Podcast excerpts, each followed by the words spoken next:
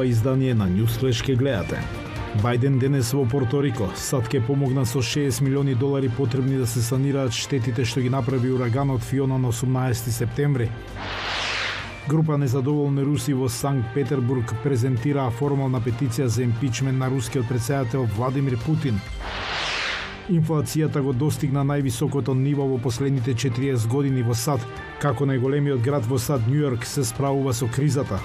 Останете со нас, почнуваме веднаш. Поздрав од Вашингтон, ова е Ньюсфлеш на гласот на Америка на македонски јазик. Јас сум Јован Чанаумовски.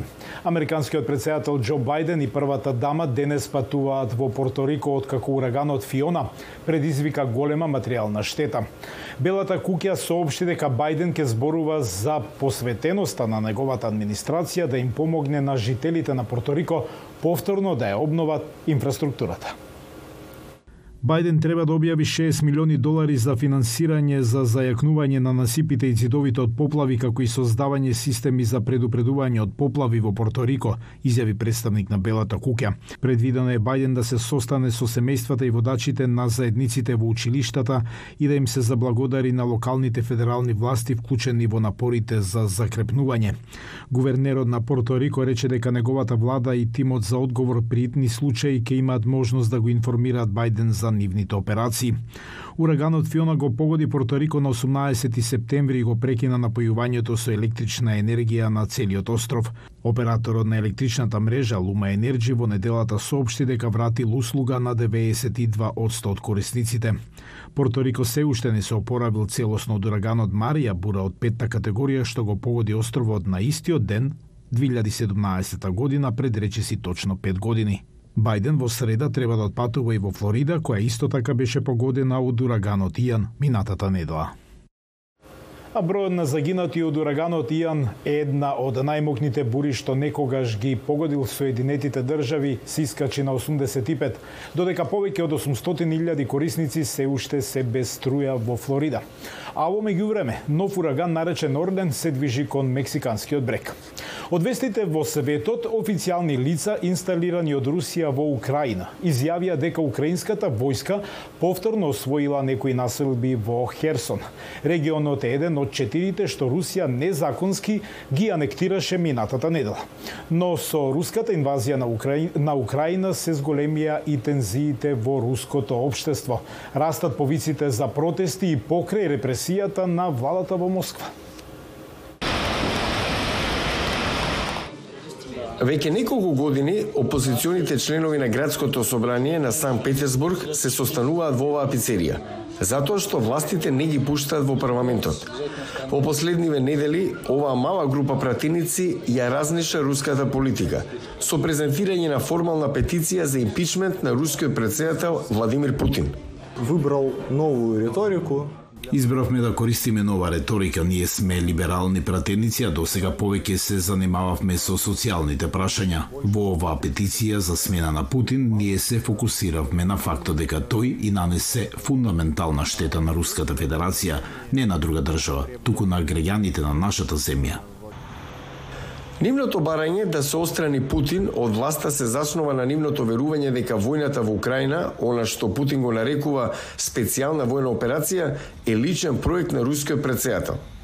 Ја больше чем уверен. Убеден сум дека ако Владимир Путин престане да биде председател, оваа специјална операција во Украина нема да продолжи.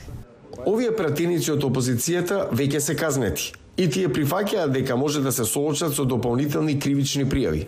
Многи близ... Многу луѓе се загрижени дека нешто може да ни се случи, но некој мора да направи нешто. При этом кто-то должен это делать. Петицијата исто така го потикна граѓанското општество во Санкт Петерсбург во отворен пркос Во овој мал бар во Сан Петерсбург се собираат млади поети да ги читаат своите песни со кои критикуваат војната на Путин во Украина. Тие веруваат дека е дојдено време да го кажат своето мислење. Храброста на интелектуалците кои стојат против војната им дава на луѓето надеж, им дава мотив и сила да продолжат да се борат бидејќи откривате дека не сте сами. И дајот мотивацију сопротивляться дальше, поскольку ты знаеш што ты не один такой. Большинство людей других, да, они Повеќето луѓе до ден денес молчат, но може би тоа се менува бидејќи ги гледаме вестите. Но ќе биде потребно време. Мы видим новости, но она продержится. Я думаю, она еще продержится некоторое время. Постои постојан страв дека овие потези, без разлика колку се мали, може да доведат до апсење.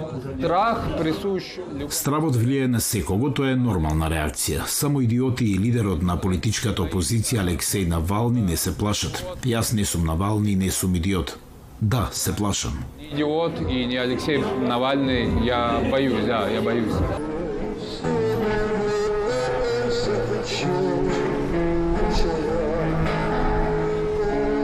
Инвазијата на Путин на Украина не само што ја наруши глобалната безбедност, туку ја втурна Русија во политичка и социјална нестабилност. Последиците е тешко да се предвидат. Милиони млади руси, цела генерација, се соочуваат со длабоко неизвестна иднина. Но не само Русија. Пандемијата и руско-украинскиот конфликт стана проблем и тоа глобален. Инфлацијата достигна највисоко ниво во последните 40 години во САД, што доведе до загриженост на Вол Стрит. Но се чини дека малите бизниси и клиентите го носат товарот од растечките цени. Гласот на Америка разговараше со трговците од Њујорк за тоа како се справуваат со инфлацијата. Ако дојдете во Америка, ние сме познати по храната. Ја сакаме нашата храна. Малку места може да се во конкуренција со разновидноста на храната во Њујорк. Ресторани и штандови за улична храна има на речиси секој агол. Глобалната инфлација предизвика голем скок на цените на храната во еден од најскапите градови во светот. Емпанадата скокна од 3 на 4,5 долари за 2 секунди и тоа е лудо. Тоа е смешно. Според индексот на малопродажни цени на Американскиот одел за земјоделство, цените на храната се зголемија за над 10 од 100 минатата година, со инфлација на највисоко ниво во последните 40 години. Њујоршкиот продавач на храна од камион Ел Торо Рохо исто така ги зголеми своите цени. We're quite nervous because we don't want to lose our loyal Нервозни сме затоа што не сакаме да ги изгубиме лојалните клиенти. Од минатиот октомври до јуни оваа година, собствениците на Ел Торо Рохо ја покачиле цената на буритото за 1 долар и 50 центи и сега изнесува 13,50 долари. Цената може да се зголеми уште повеќе. Every single product you buy Храната што ќе ја купите и ќе ја конзумирате мора да пристигне со брод, камион или воз. Не доаѓа таа сама во куњата.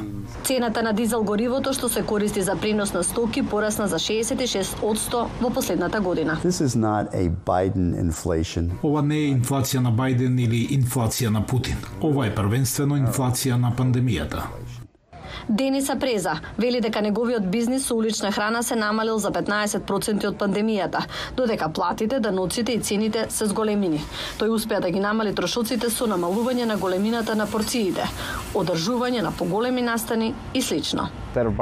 Наместо да го купуваме преку дистрибутер од трета страна, сега стануваме во 3 или 4 часа наутро за да излеземе и да купиме свеж производ директно од пазарот за да ја добиеме најдобрата цена. Експертите велат дека пандемијата ширум светот ја наруши понудата и побарувачката, а руската војна против Украина придонесе за проблеми кои влијаат на ваквите бизниси. На 16 август председателот Бајден го подпиша законот за намалување на инфлацијата, за да ги намали трошоците за лекови, здравствена заштита и енергија. Но една студија на Универзитетот во Пенсилванија вели дека тоа може да ја намали годишната стапка на инфлација за само 0,1 од 100 за околу 5 години. Веројатно ќе мора да го изодиме овој пат следната година или две, додека цените не почнат да се стабилизираат. Некои експерти сугерираат дека додека цените растат во поскапите ресторани, продавачите како Ел Toro Rojo може да имаат корист, бидејќи клиентите се одлучуваат за брза и едноставна храна, токму тоа што го нудат продавачите на улична храна. Го гледавте News Flash на гласот на Америка на македонски јазик. Јас сум Јован Чономуски од студиото во Вашингтон. Имајте убав остаток од денот. Пријатно.